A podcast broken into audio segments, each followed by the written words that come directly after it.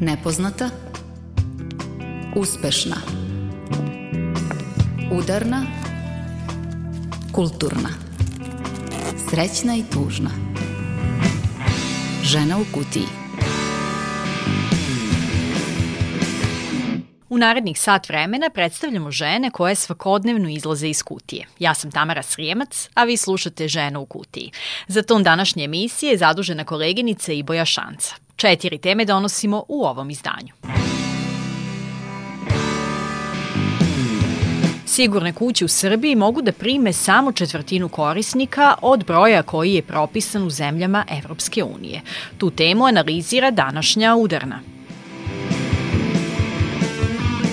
U rubrici Nepoznata predstavljamo ideju projekta Stamena nije od kamena koji radi na umrežavanju roditeljskih udruženja.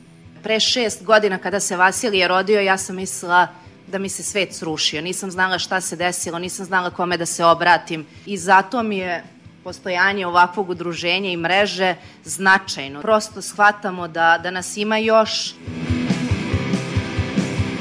Nakon godina rada na kritičkim prikazima teorije i literature, Dragana V. Todorescu objavila je autorsku knjigu, zbirku priča pod nazivom U čekaonicama istorija ženskih mentalnih poremećaja u jeku nameštanja književnih nagrada, gubitku svake skrupuloznosti, pri čemu se zapravo kritika pokazuje toliko rastegljivom da se sve može kako tako obrazložiti, shvatila sam potpunu besmislenost kritike i to je na neki način izazvalo moj bes i tako sam se eto odvažila da objavim ono što sam napisala i jako sam srećna zbog toga. U rubrici Uspešna Milica Krstić, prva srpkinja koja se našla na Forbesovoj listi najuspešnijih u Evropi. Predstavljamo online platformu Siguran prostor koju je ona kreirala. Kako vreme prolazi, primećujem da se sve više ljudi javlja, da su mladi ljudi osvešćeniji. Hajde ljubav dođi, to je naziv novog singla sastava Elemental kojim najavljuju rad na novom studijskom materijalu. Pesma je poprilično pozitivna, pa vam takvu vibraciju šaljemo na početku emisije. Hajde ljubav dođi, čekam te na obali i izvlačim vesla, spremam se da zaplovim. Hajde ljubav dođi, čekam te na obali i izvlačim vesla, spremam se da zaplovim.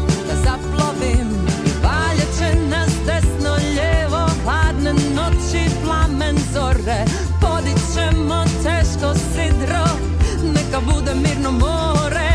Istisni me jako, privini u sebe I reci da želiš da plovim uz tebe Da možemo mi to, da nije te strah. Stisni me jako i zadrži dah. Hajde ljubav dođi, čekam te na obali I izvlačim vesla, spremam se da zaplovim dođi, čekam te na obali. I izvlačim vesla, spremam se da zaplovim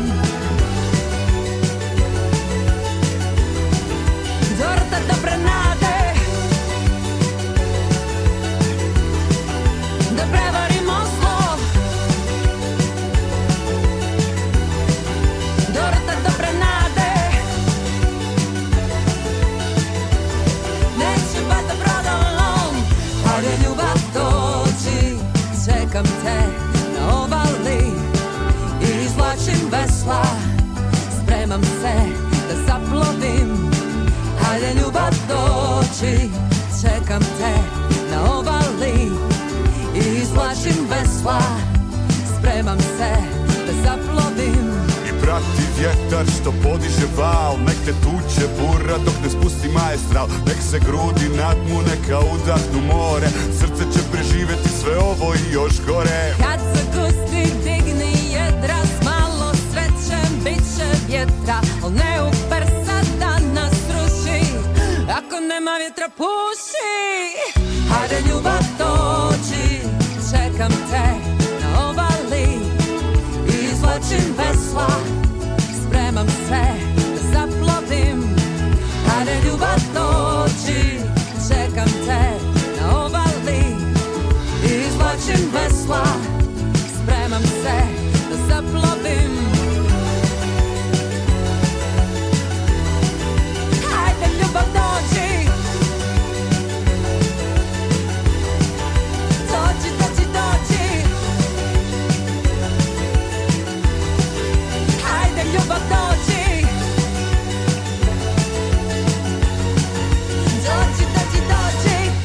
Udarna žena u kutiji. Sigurne kuće u Srbiji mogu da prime samo četvrtinu korisnika od broja koji je propisan u zemljama Evropske unije. To je pokazalo istraživanje o radu sigurnih kuća koje je sprovelo Udruženje građana Atina, a to tematizuje naša rubrika Udarna. Rezultati pokazuju da postoje izazovi i u dobijanju dozvola za njihov rad. Međutim, nadležni tvrde da to ne utiče na kvalitet usluge, jer su prepreke uglavnom administrativne, a korisnicama poručuju da su sigurne kuće za sve njih zaista sigurne.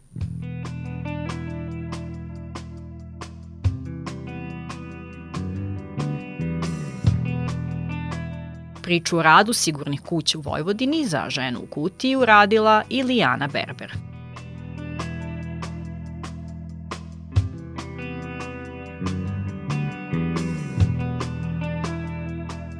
U Srbiji trenutno radi 11 sigurnih kuća, a broj raspoloživih mesta je za tri četvrtine manji od evropskog standarda. Pokazuje istraživanje koje je sprovelo Udruženje građana Atina.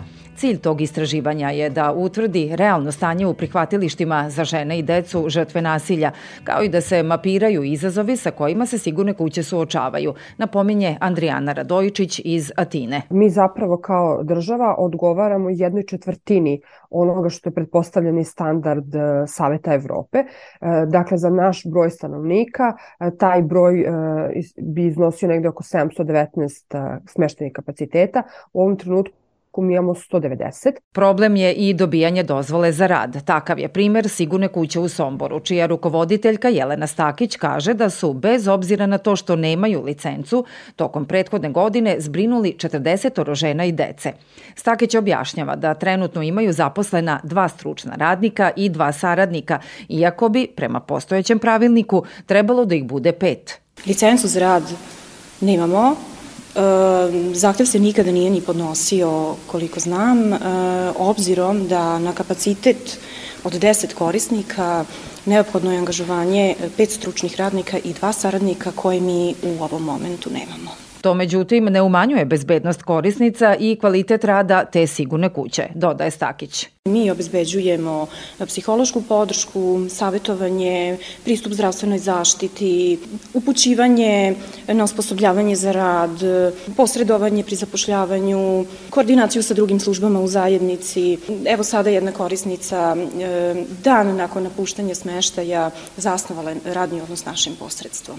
Tako da to su zaista neke lepe stvari. U Vojvodini radi pet sigurnih kuća, od kojih samo ona u Pančevu ima dozvolu za rad, navodi Maja Raljić-Nikić iz Pokrinjskog sekretarijata za socijalnu politiku. Ona kaže da su prepreke za izdavanje licence uglavnom administrativne, te da gotovo nikada nemaju veze sa kvalitetom usluge. Upravo zbog toga, tvrdi ona, to što određene sigurne kuće nemaju licencu za rad ne bi trebalo da nas brine. Kad kažemo taj postupak obnove licence, i postupak ulaska za dobijanje dozvole za rad, najviše mislimo da e, sigurne kuće su bezbedne za naše korisnike i jako je potrebna ta usluga, a da bi ispunili kompletne uslove moraju organizaciono uh, znači da obezbede kadrove, a u, drugi, a u drugim situacijama vezano i za imovinsko-pravne odnose. Maja Raljić-Nikić navodi da su pojedine sigurne kuće u Vojvodini u procesu proširenja kapaciteta, što je u ovom trenutku neophodno, kako je u ostalom i pokazalo sprovedeno istraživanje. Mi sada Trenutno na teritoriji AP Vojvodine imamo samo 65 mesta, što nije dovoljan broj, tako da mogu navesti kao primjer i sigurno kuću u Pančevu, gde upravo sa 10 korisnika se povećava kapacitet na 20 korisnika i sad se to intenzivno i radi. U postojećem pravilniku postoje dve vrste standarda koje sigurne kuće moraju ispunjavati, objašnjava Andrijana Radojičić iz Atine, a to su strukturalni koji se odnose na broj zaposlenih, infrastrukturu, administraciju, imovinsko-pravne odnose i funkcionalne standarde koji se tiču rada sa korisnicima. E ti funkcionalni standardi su onako uh, zajednički za sve i u jednom delu se malo izdvajaju od usluge do usluge, ali su u suštini vrlo minimalni i ne opisuju previše, ne govore puno o tome šta tačno treba zaposleni e, stručni radnici i radnice da rade onda kada žena dođe, na primer, u sigurnu kuću. Mi smo napravili predlog tih funkcionalnih standarda koji su, onako da kažem, dublji. Zapravo, predlog e, ovih standarda se odnosi na kvalitet usluge i to je inicijativa koju smo mi predali ministarstvu i podneli, odnosno dali smo im e, gotov e, pravilnik e, sa idejom da on ugleda svetlost dana, odnosno da jednog dana bude usvojen. U Ministarstvu za rad, zapošljavanje, boračka i socijalna pitanja, koje je nadležno za izdavanje licence za rad sigurnih kuća, potvrđuju da će predlog za izmenu standarda u prihvatilištima biti razmatran kada se bude menjao važeći pravilnik. Uslugu prihvatilišta obezbeđuju lokalne samouprave i na njima je da obezbede saglasnost za zapošljavanje i sredstva za zarade propisanog broja zaposlenih. Jedan broj nelicenciranih pružalaca usluge nije podneo zahtev za izdavanje licence. U Atini naročito ističu značaj multisektorske saradnje, imajući u vidu činjenicu da u Srbiji samo jedna nevladina organizacija vodi licenciranu sigurnu kuću. Andrijana Radojičić zaključuje da je ovo istraživanje takođe i poziv državnim institucijama u Srbiji da promisle trenutne politike i postave zaštitu žena i dece sa iskustvom nasilja kao prioritet u svom radu. Čutala sam onaj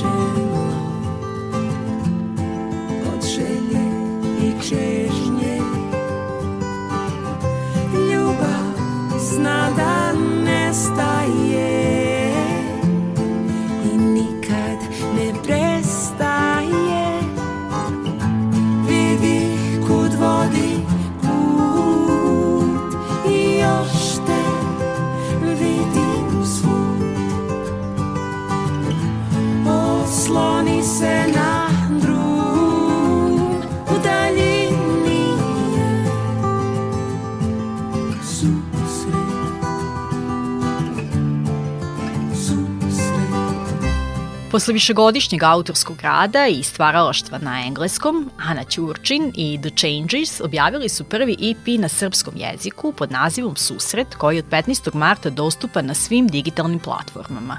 Slušamo pesmu sa istim nazivom, Susret, Ane Ćurčin. vidi kud vodi put i još te vidim svud osloni se na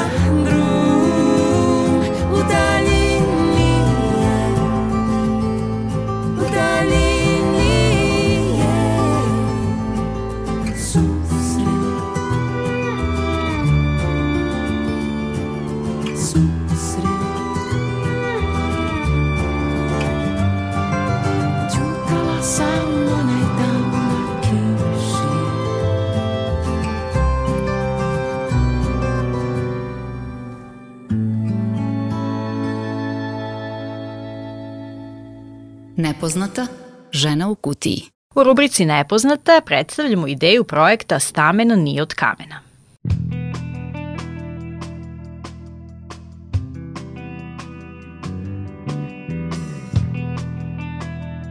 Reč je o projektu Udruženja za pomoć osobama sa autizmom i redkim bolestima i njihovim roditeljima, odnosno negovateljima. E, Stamena je zapravo mreža podrške majkama i negovateljicama na teritoriji cele Srbije. Ideja je povezivanje sa udruženjima istog tipa iz Srbije kako bi zajedno radili na osposobljavanju majki za rad i kako bi osigurali da prave informacije o pravima i naučnim saznanjima stignu do svih. Jedan od ciljeva je proširenje socijalnih usluga. Proaktivnu mrežu Stamena nije od kamena realizuje udruženje Evo Ruka u partnerstvu sa ženskim udruženjem Kolubarskog okruga.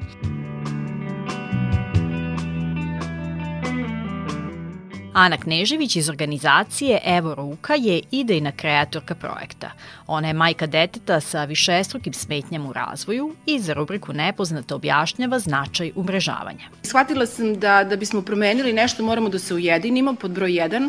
Pod broj 2 moramo mi roditelji da se edukujemo, i da budemo spremni da učimo i, da, i spremni da prihvatimo i da preuzmemo odgovornost na sebe, da uradimo bar jedan deo, da se upoznamo između sebe, to kad kažem mislim na roditelje, koji e, su se do sada vrlo često delili po dijagnozama e, i nesvetajući da u stvari majka bolesnog deteta je majka bolesnog deteta bez obzira na diagnozu, pa čak i ako je, ima cerebralnu paralizu, autizam, redke bolesti ili mislim se lečilo od karcinoma, isti problem majka ima jer ona brine za svako dete.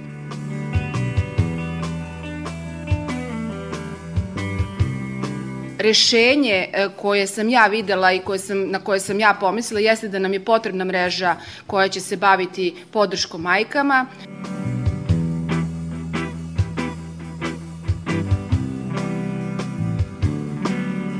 Mi moramo u stvari da malo tu priču o porodicama i o deci sa smetnjama u razvoju proširimo i na majke i na žensko pitanje, jer to je zaista žensko pitanje, jer ono što sam ja čula kada sam razgovarala sa mojim koleginicama i saradnicama, ja sam shvatila da rešenja postoje, a rešenje je u stvari u umrežavanju i povezivanju i na raspolaganju smo svima kogod se javi i tako kako ja sam na raspolaganju, tako mogu da sigurno kažem i sa sigurnošću da će i žene koje su majke dece sa smetnjama u razvoju biti na raspolaganju ljudima isto kao ja. Jelena Ružić, predsednica ženskog udruženja Kolubarskog okruga, podržava ideju umrežavanja iz nekoliko razloga. Kako kaže, kaže, podrška majkama je neophodna. Od 2020. godine bavimo se upravo temom nepravednom, da kažemo, opterećenošću žena neplaćenim poslovima i poslovima brige e, na nivou porodice i na nivou društva i prvo, prvo smatramo da nije dovoljno zastupljena tema, a da je vrlo utiče na sve ostale segmente života jedne žene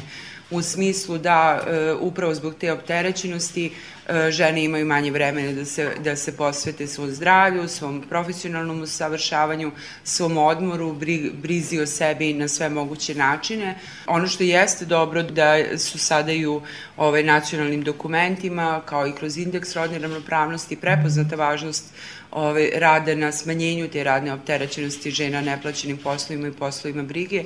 Ja iskreno verujem da, s obzirom na to da je primećeno da su najmanji pomaci u oblasti rodne ravnopravnosti napravljeni upravo na tom polju, ja mislim da će ta tema biti sve aktuelnija u narednom periodu.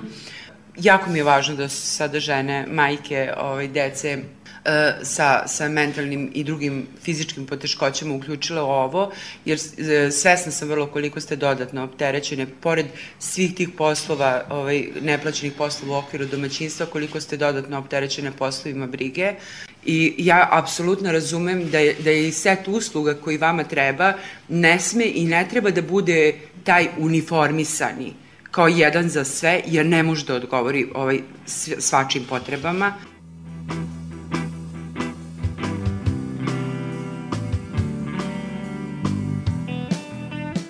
Jedna od aktivnosti mreže jeste istraživanje o tome koje su potrebe majki i dece sa smetnjama u razvoju i koliki je stepen zadovoljstva uslugama socijalne zaštite. Istraživanje je u toku, a Jelena Ružić iznosi prve podatke do kojih su došle. U anketama su učestvovale žene svih životnih dobi, a najveći procenat ispitanica dolazi iz Beograda i fakultetski su obrazovane. Što se jedne strane meni lično govori o jednom ogromnom ljudskom resursu neiskorišćenom korišćenom, jer dobar deo tih žena nije formalno zaposlen, a sa druge strane nacionalna statistika, odnosno istraživanje, ovaj, e, kaže da 70% e, žena koje rade, rade nepuno radno vreme kažu da su se za to odlučile zbog poslova brige o, o drugim licima. Tako da mi kao društvo gubimo jedan stvarno ozbiljan resurs, ovaj, takvu grupu žena fakultetski obrazovanih e, e, ko, koje prosto zbog toga što oni izdvajaju svoje slobodno vreme za poslove brige i, i ove druge neplaćene poslove ne možemo da uslovno rečeno iskoristimo na, na adekvatan način u oblasti njihovog rada. Sve ispitanice sem jedne u istraživanju kažu da najviše vremena ulažu u brigu o drugim licima. E, ovo nam vrlo jasno pokazuje da su stvari žene one koje, koje najveći deo svog vremena ulažu u brigu o licima e, koje zahtevaju tu dodatnu brigu. To, to su najčešće deca u ovom upitniku. U suštini, e, najveći procenat, oko 60% njih je reklo da u taj posao ulaže više od 8 sati dnevno. Sa druge strane, statistika na nacionalnom nivou koja je rađena e, govori da žene inače u, u, u brigu ulažu negde oko sat vremena. Ono što jeste zanimljivo da su žene rekle da najveću podršku ukoliko su u braku dobijaju upravo od svog supruga, što je potpuno, potpuno i normalno, Ove, ali veliki procenat njih je rekao da ne u meri u kojoj bi one očekivale da dobiju. To opet da vuče negde korene tih nekih e, rodnih obrazaca po kojima se od majke očekuje da bude najviše uključena i ovaj, e, psihološkinja sa kojom sam ja razgovarala na ovu temu je rekla da to ne znači uslovno da muškarci ne žele da budu uključeni, nego prosto i društvena očekivanja i nekako formiranje obaveza unutar porodice dovedu do toga da budu malo po malo isključivani, a onda se i oni dobrovoljno isključe. A sa druge strane, žene koje su rekle da, ne, da, da su navele da su razvedene, e, skoro sve su navele da su se razvele upravo iz razloga, iz tog razloga, odnosno nedovoljne podrške koju su dobijale od svog supruga u tom procesu.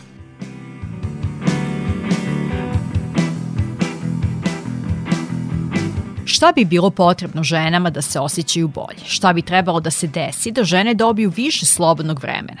Jedno od pitanja u upitniku. E, skoro sve su rekle da im treba više podrške kroz usluge za decu i žene, da im treba e, jača podrška ukućana i da im treba naravno više novca, novca nikad dovoljno. E, rekle su da im nedostaje spavanja i odmora, da im nedostaje druženja, da im nedostaje šetnje, čitanja, da bi se rado igrale sa decom ili unucima, brinule o svom zdravlju ili da bi se usavršavale e, u oblasti svojih poslovnih veština. Kada je bilo pitanje e, šta treba, za šta ih sprečava da ostvare više prava iz oblasti socijalne zaštite, žene su uglavnom e, izdvojile da nemaju dovoljno vremena da obilaze sve te šaltere, da ih vraćaju nazad, da traže dodatnu dokumentaciju. To je jedna prepreka koja je trebala da bude odavno prevaziđena i da je to takođe polje na kome treba da se radi više. Mislim, prosto ja ne vidim da nama kao društvu može da bude cilj da odbijemo nekoga kome je potrebna pomoć tako što ćemo ga optereti do, dodatnom ove, administracijom do mere da odustane od nje. Bilo bi sjajno kada bi postojao set usluga koji su žene izlistale da njima trebaju, da bi se više družile, da bi više posvetile se svom ovaj, fizičkom zdravlju, da bi se više posvetile vežbanju, čitanju i tako dalje. Kada bi postojao set usluga koji bi, koji bi se njima pružio na način da se one oslobode ovaj, svih tih e, različitih oblika stresova i opterećenja. Još sjajnije bi bilo kada bi to moglo da se podrži e, kroz institucije. To je dugotrajan proces, ali ne vidim da nije nemoguć, posebno kada pričamo o tome da smo zreli za transformaciju ovaj, socijalnih usluga.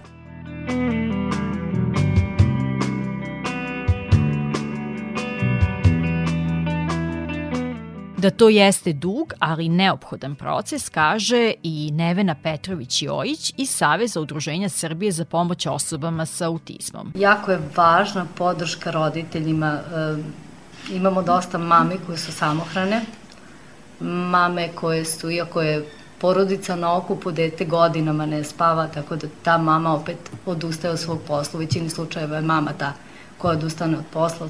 Smatram da je jako važno da se ujedinimo kao roditelji i da nam je tu snaga i edukacija roditelja je jako bitna i smatramo stvarno da je naša zajednička snaga u nama samima da, da se ujedinimo i pokrenemo mnoge stvari. Ujedinjenje kao snaga. Tog stava je i Marija Čeklić. I upravo je udruživanje, umrežavanje ono što je meni kao majci deteta sa cerebralnom paralizom od šest i po godina značajno.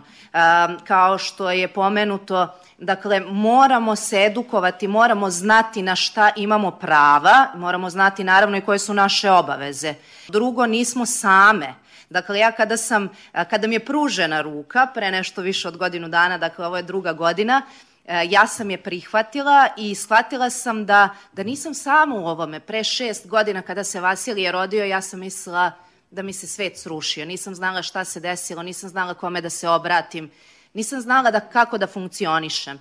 Sve što sam saznavala, saznavala sam upravo od roditelja i zato mi je postojanje ovakvog udruženja i mreže značajno, zato što e, prosto shvatamo da, da nas ima još, e, važno je da budemo zajedno, važno je da prepoznamo svoje želje, potrebe, e, udruživanje će nam pomoći da ih zadovoljimo, a takođe ćemo znati kako da, da našoj deci pomognemo, u krajnjem slučaju i kome da se obratimo kada je to potrebno.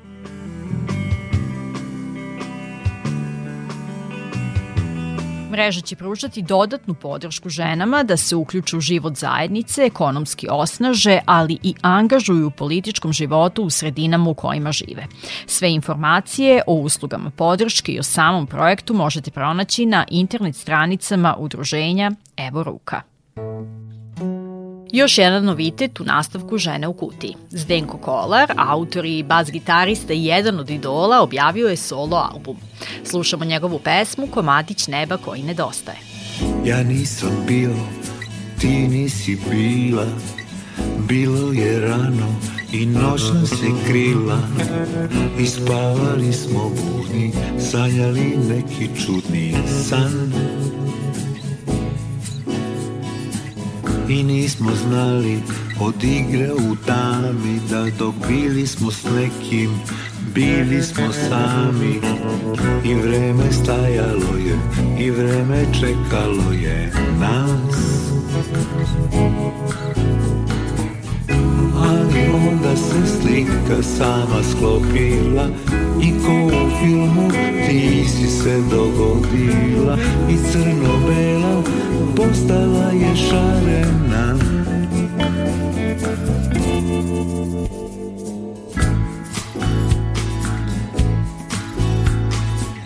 Oktobar gori, vatra nad gradom Sama si sišla i ušla kradom Smehom si nežno rekla, upalila mi svetla sva sve što nije dobro izbledi Jer mi znamo tajnu da uvek vredi. I kao da od uvek i ti i ja za uvek. Sad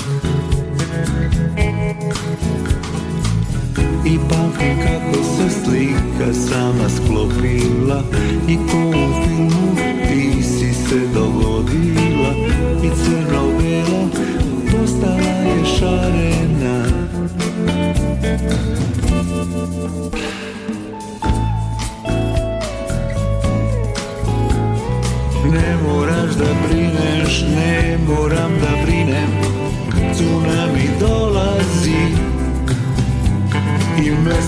će sunce, sunce bit će mesec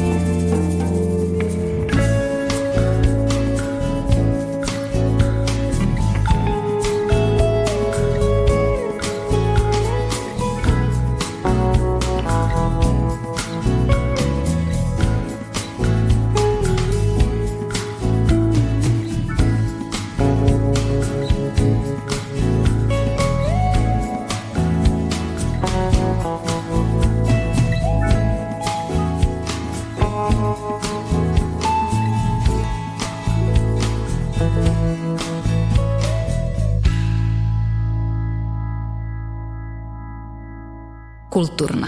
Žena u kutiji. Dragana V. Todorevskov, spisateljica, sagovornica Žene u kutiji. Njena prva knjiga kratkih priča pod nazivom U čekaonicama istorija ženskih mentalnih poremećaja bio je povod da moja koleginica Tatjana Novčić-Matijević razgovara sa njom. O knjizi, teoriji, kritici, ženskoj književnosti, ali i da objasne šta se krije iza ovog naziva knjige.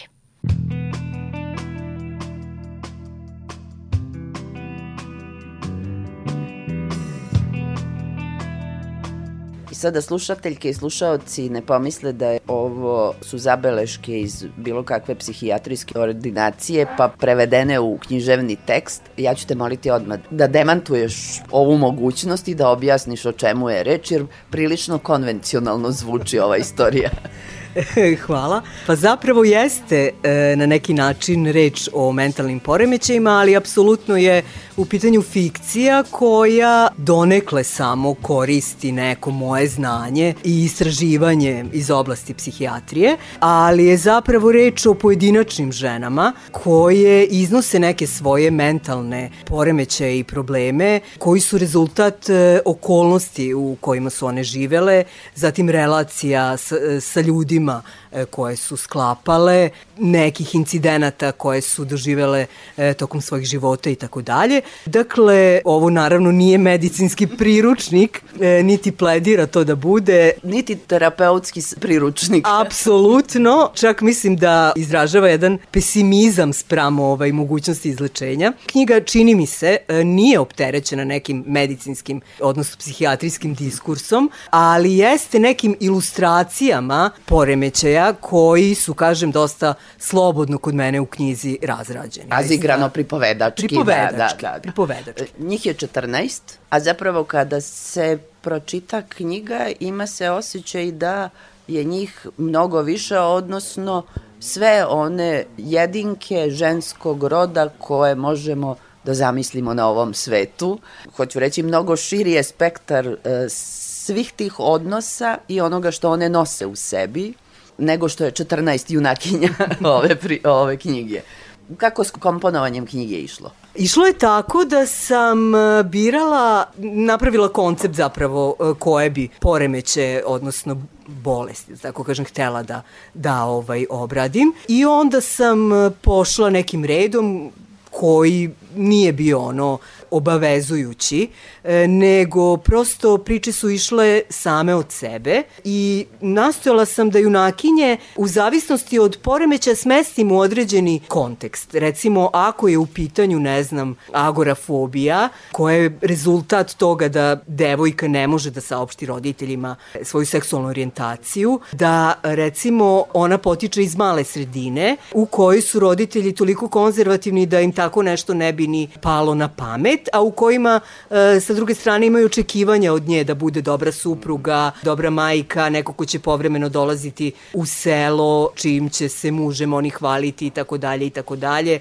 Tu žena jeste mnogo više, tu su zastupljene i upravo one žene koje, kako je napisala jedna od recenzentkinja, jesu zapravo nosioci onih e, patriarhalnih vrednosti. Njih je čak i dosta, uglavnom su to majke, nekada svekrve, nekada prosto osobe sa kojima se junakinje sreću, poput, ne znam, sutkinja, radnica centara za socijalni rad, lekarki, medicinskih sestara i tako dalje, koje nisu u stanju da razumeju ove žene koje su nositeljke radnji i koje su zapravo e, najugroženije. Sadržajno sve te priče su ispričane na jedan vrlo dinamičan način, sa što je još zanimljivije sa mnogo različitih perspektiva pripovedanja, jer naravno tu su prisutni i muškarci, jer kako bez muškaraca u, u bilo kojim relacijama u životu.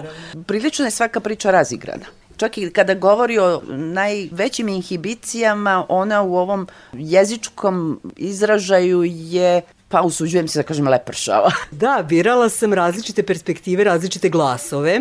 Tako mi se recimo za jednu od pripovedaka učinilo da je najbolje da ispriča e, muškarac, e, zapravo ispovedajući se svešteniku, gde sam naravno nastojala da njegove poglede na život i njegove uopšte hrišćanske vrednosti u koje se kune e, prikažem na jedan šaljiv način, odnosno opovrgnem zapravo sve ono što on e, ističe kao nešto što su njegove vrline. U nekim e, situacijama se prosto nametao prvi glas, ne znam, ili forma dnevnika, ili negde se nametao dijalog između muškarca i žene, negde se nametao prosto... Narator. E, narator, da. sveznajući pripovedač mm -hmm. koji će e, voditi priču, menjati vremena i tako dalje, šetati nas zapravo kroz, kroz različite ovaj periode e, Nekad života. je ti forma, da, da, da, da. Nekada i ti forma, tako je.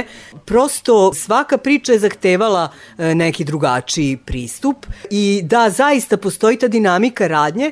Čini mi se da sam je ostvarila čak i na nivou rečenice gde nekada zaista ono sečem i u rečenici kažem nekoliko, nekoliko stvari, što možda jeste neki napor za čitaoca, čitateljku, ali sa druge strane možda i ne mora da bude, nego prosto eto tako, radnja ide. Nije ovo isključivo intimistička knjiga tih junakinja. Zato što su sve one u realnom kontekstu, društvenom, vremenskom, istorijskom i sve ono što, a one su uglavnom tu srednjih godina, dakle, imaju sećanje na detinstvo ili mladost u gadnim 90-im, kada su njihovi rođaci, očevi odlazili na ratišta, vraćali se ili se nisu vraćali. Imaju sećanja na siromaštvo.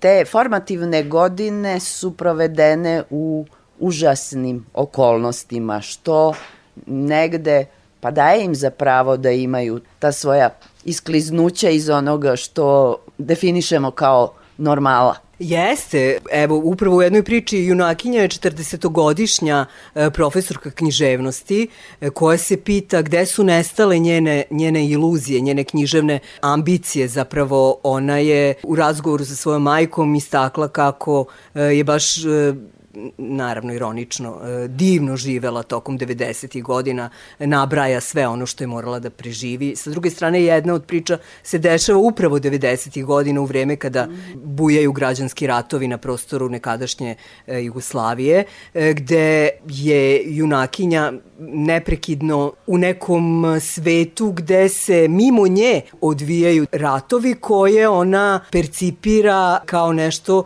od čega želi da pobegne, što je naravno i, i prirodno. Rekla bih da one zapravo nisu toliko poremećene koliko su poremećene zaista te okolnosti u kojima su one rasle, dok sa druge strane samo bih te sad tu podsjetila da imamo i priču o mladoj devojci smeštenu u sadašnje vreme mm -hmm. koja je zavisna od interneta interneta i koja koristi jedan potpuno drugačiji govor kada priča svoju priču, dok sa druge strane imamo i staricu korisnicu doma za stara lica, koja opet sa druge strane se priseća nekih vremena posle drugog svetskog rata, nekih vrednosti koje ona zaista e, smatra da i dalje treba da budu održive, tipa da je sin uvek na prvom mestu iznad čerke, ali većina ih je zaista sredovečnih i tu zaista mislim da je ta neka generacija žena rođenih, ne znam, 70-ih ili krajem 60-ih godina e, najviše trpela i najviše stradala. To nije prvi put da čujem, da generacije rođene 70-ih su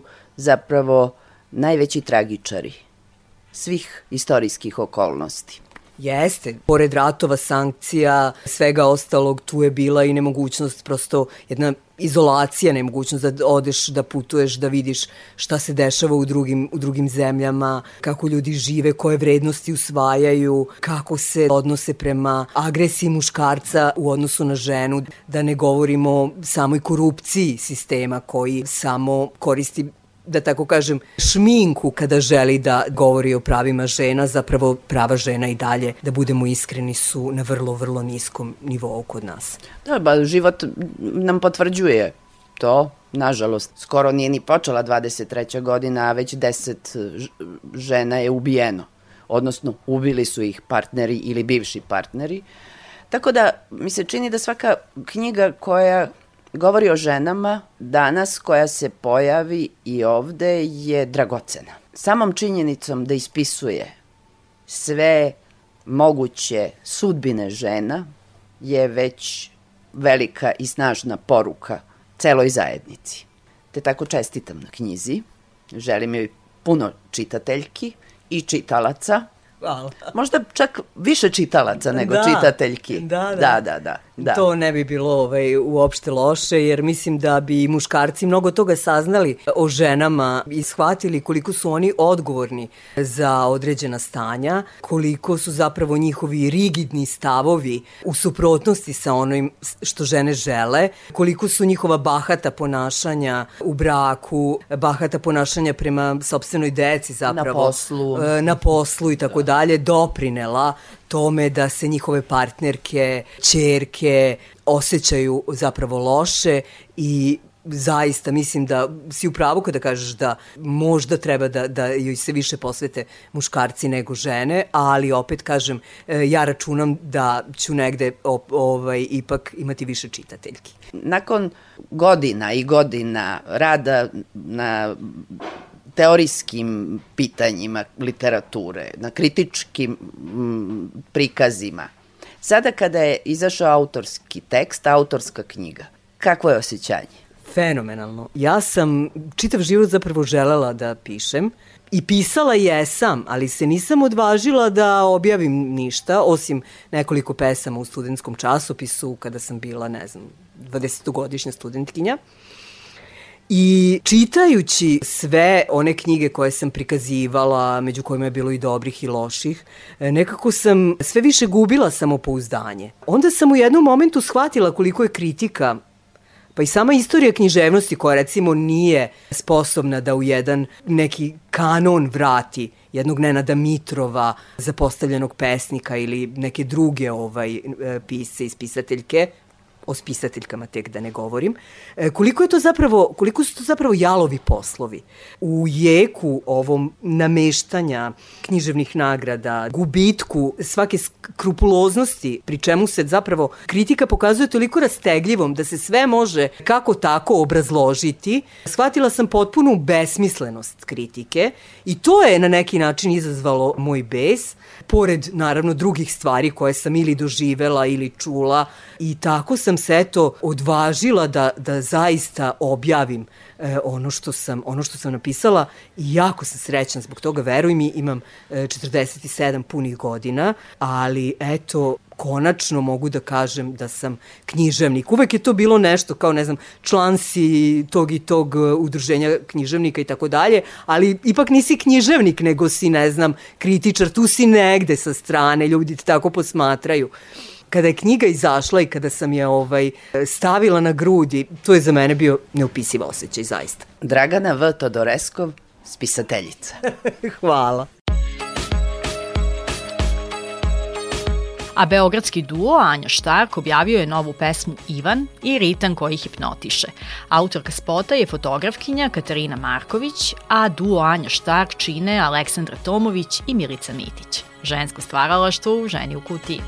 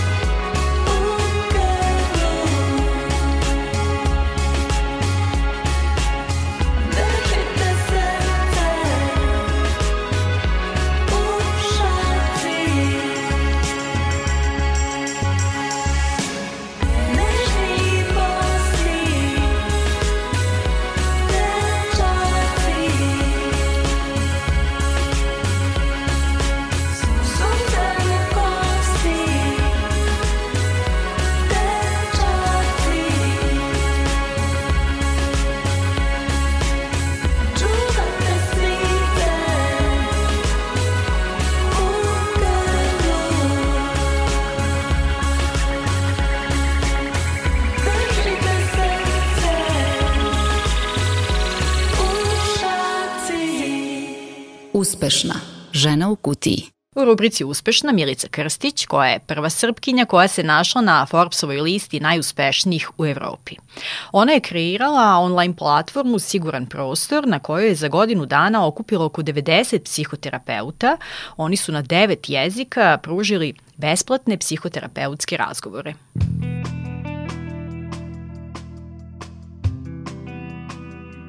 2020. godine sada mojih prijatelja je pokušalo da izvrši samoubistvo, od kojih dvoje jeste izvršilo suicid. To me negde motivisalo da a, pokrenem nešto što će pomoći ljudima da ne postoji samo razgovor i neka linija, već zaista pravi kontakt i pravi profesionalac koji će da sede preko puta njih i da imaju pravu psihoterapeutsku seansu. To je bio glavni motiv i pokretač za osnivanje platforme siguranprostor.com, kaže Milica Krstić.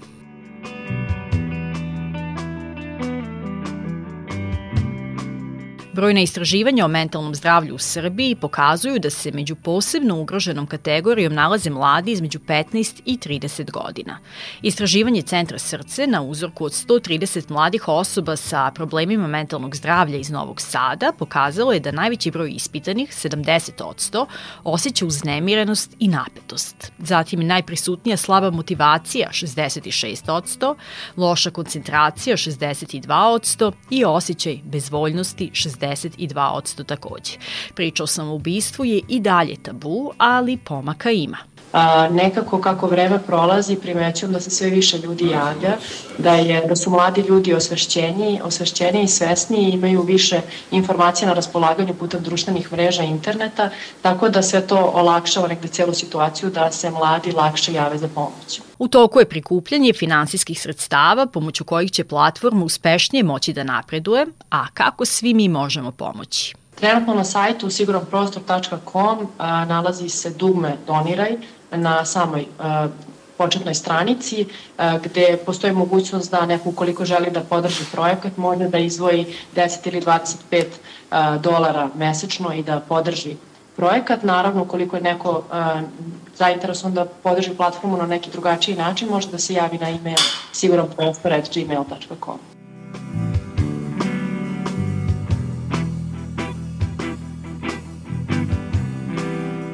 Platforma trenutno funkcioniše na devet jezika i naravno cilj nam je da se proširamo što je više moguće, da zaista svaki pojedinac na planeti ima mogućnost da uđe na aplikaciju koja će, ja se nadam, uskoro postojati i ovaj, da pristupi tome da ima besplatnu pomoć i da ima stvaran autentičan kontakt sa nekim koji je profesionalac mu pomogne da bude bolje. Platforma Siguran prostor funkcioniše godinu dana.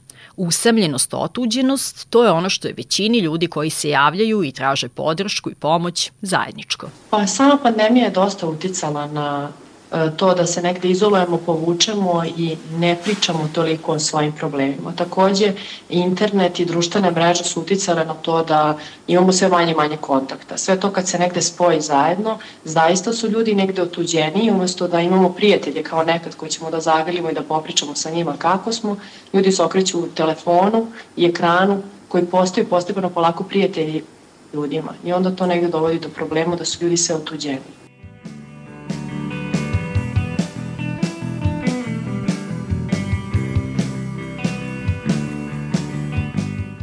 Stanje je osetljivo, bolno i zaista onako negde ranjivo. Dosta ljudi se na različite načine štiti od toga da pokaže kako se zapravo osjeća zbog sramote, nelagode i tako dalje.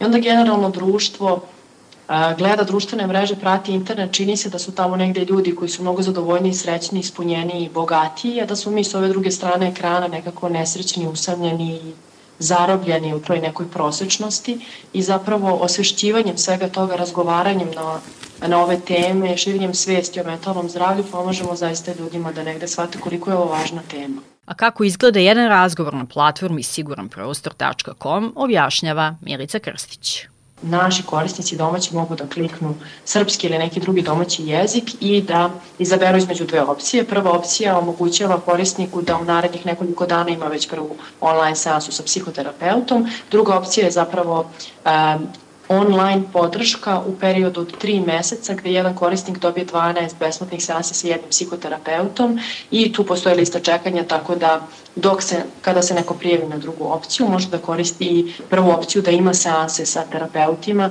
dok sačeka da dođe na red da dobije e, podršku periodu od 3 meseca. Dakle, nemojte se ustezati, potražite pomoć ukoliko vam je potrebna. Milica Krstić je objasnila kako. Hvala vam na druženju i slušanju u prethodnih sat vremena. Žena u kutiji ponovo u etru za dve sedmice. Sa tom današnje emisije zadužena koleginica Iboja Šanca, ja sam Tamara Srijemac. Za instrumentale u emisiji i špicu zaslužan Ben Lazar. Uživajte u ostatku dana i ne menjajte talase.